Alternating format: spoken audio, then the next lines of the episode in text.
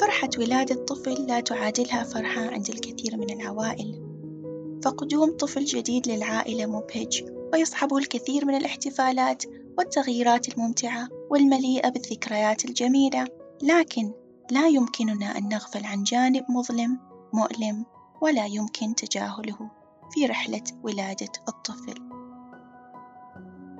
معكم ابتسام الوردي وأقدم لكم بودكاست وعي وتربية.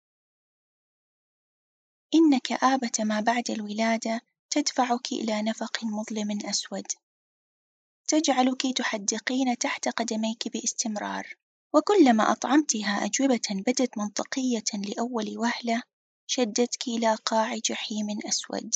لا تستطيعين فيه أن ترفعي رأسك، فأنت تريدين أن تفهمي ماذا يجري معك، لكن الشك يمتص قدرتك المتهاوية على الفهم والنهوض ومواصلة الحياة.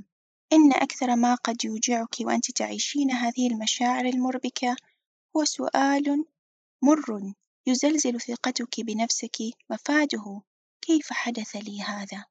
وأنا من كنت أظن أنني امرأة تفوق قوة الكثير من النساء على هذه الأرض، فيما أشاهد أمهات لا حصر لهن وقد عبرن هذه المحطة بسلام، تصف هنا الروائية التركية ليف شفق بعض من رحلتها مع الشبح الذي يخيم على النساء بعد الولادة، والذي تذكر منظمة الصحة العالمية أنه يصيب عشرة في المئة من نساء العالم، بمعنى أنه قد يصيب واحدة من كل عشر نساء، ويزيد ليصل لما يقارب العشرون في المئة من نساء الدول النامية، ويمكن أن يصيب الأب أيضًا، أو النساء اللاتي مررن بتجربة الإجهاض أو إنجاب جنين ميت.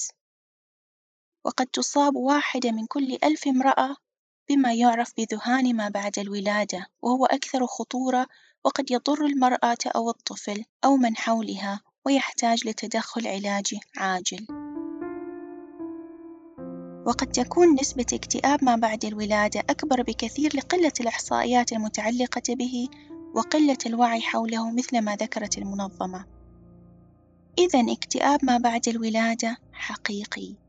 وقد يعرف بالكآبة النفاسية وهو مزيج معقد من التغييرات الجسدية والعاطفية والسلوكية اللي تحدث لبعض النساء بعد الولادة.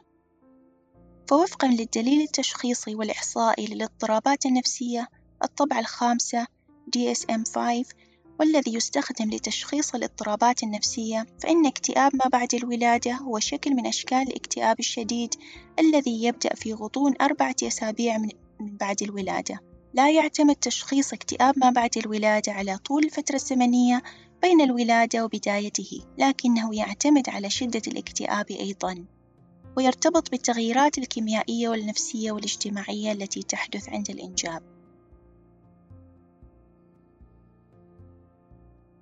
قد تمر المرأة بعد الولادة بما يعرف بالبيبي بلوز، وبشكل مؤقت ولا تستمر لأكثر من أسبوعين. ويصيب حوالي 80% من النساء بعد الولادة، بحيث تشعر فيها المرأة بالحزن ورغبة البكاء بدون سبب واضح، والانفعال وتقلب المزاج والقلق. أما اكتئاب ما بعد الولادة فيمكنه أن يستمر لأشهر طويلة، ومن أعراضه. صعوبة النوم وإن كان الرضيع نائمًا، تغير الشهية نحو الطعام، التعب المفرط، تقلبات مزاجية متكررة، فقدان المتعة في أي نشاط تقوم به المرأة، الشعور بانعدام القيمة، الشعور باليأس والعجز، خواطر انتحارية أو التفكير في الموت، قد تخطر للمرأة خواطر لإيذاء الغير أو عدم الرغبة في التفاعل مع الغير، وفي حالات قليلة قد تعاني المرأة من أعراض وسواس قهري والتي تظهر كهاجس ومخاوف متعلقة بصحة الطفل، أو مخاوف غير منطقية من إيذاء الطفل أو اضطراب الهلع. في دراسة أجريت من قبل مجموعة من الباحثين وبدعم المؤسسة الصحية بولاية تورونتو بكندا، أظهرت أن هناك مؤشرات خطر قد ترتبط بحدوث اكتئاب ما بعد الولادة، وهذه العوامل التي قد تزيد من فرصة الإصابة باكتئاب ما بعد الولادة هي حدوث اكتئاب أو قلق أثناء الحمل، أو المرور بتجارب حياتية مرهقة للحامل، أو ضعف الدعم الاجتماعي، أو وجود تاريخ سابق للاكتئاب. وهناك مؤشرات أخرى لكن أثرها ليس بوضوح أثر العوامل السابقة مثل الإجهاد وتدني مستوى الثقة بالذات. أو وجود مضاعفات بالحمل والولادة، وربما الانفصال أو عدم التوافق مع الشريك، أو ضعف الوضع الاقتصادي أو الاجتماعي، أو صغر عمر المرأة.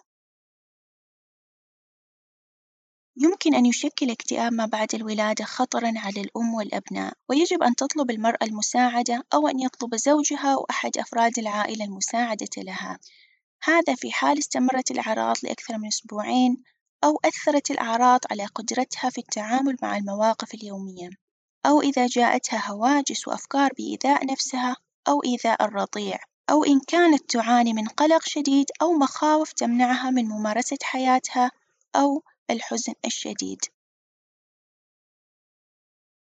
ومن المهم أن تحصل المرأة على الدعم الكافي ممن حولها في عملية رعاية الطفل والعناية به، ومساعدتها على الحصول على الوقت الكافي للنوم والأكل وممارسة بعض التمارين وممارسة الهوايات لكي تتمكن من تجاوز هذه الفترة بكل يسر. فتجربة الولادة عظيمة وتأتي أحيانًا بالكثير من الآثار التي علينا مواجهتها بالطريقة الفعالة والتعامل معها بحيث لا تترك ندوبًا يصعب عكس أثرها مع الوقت.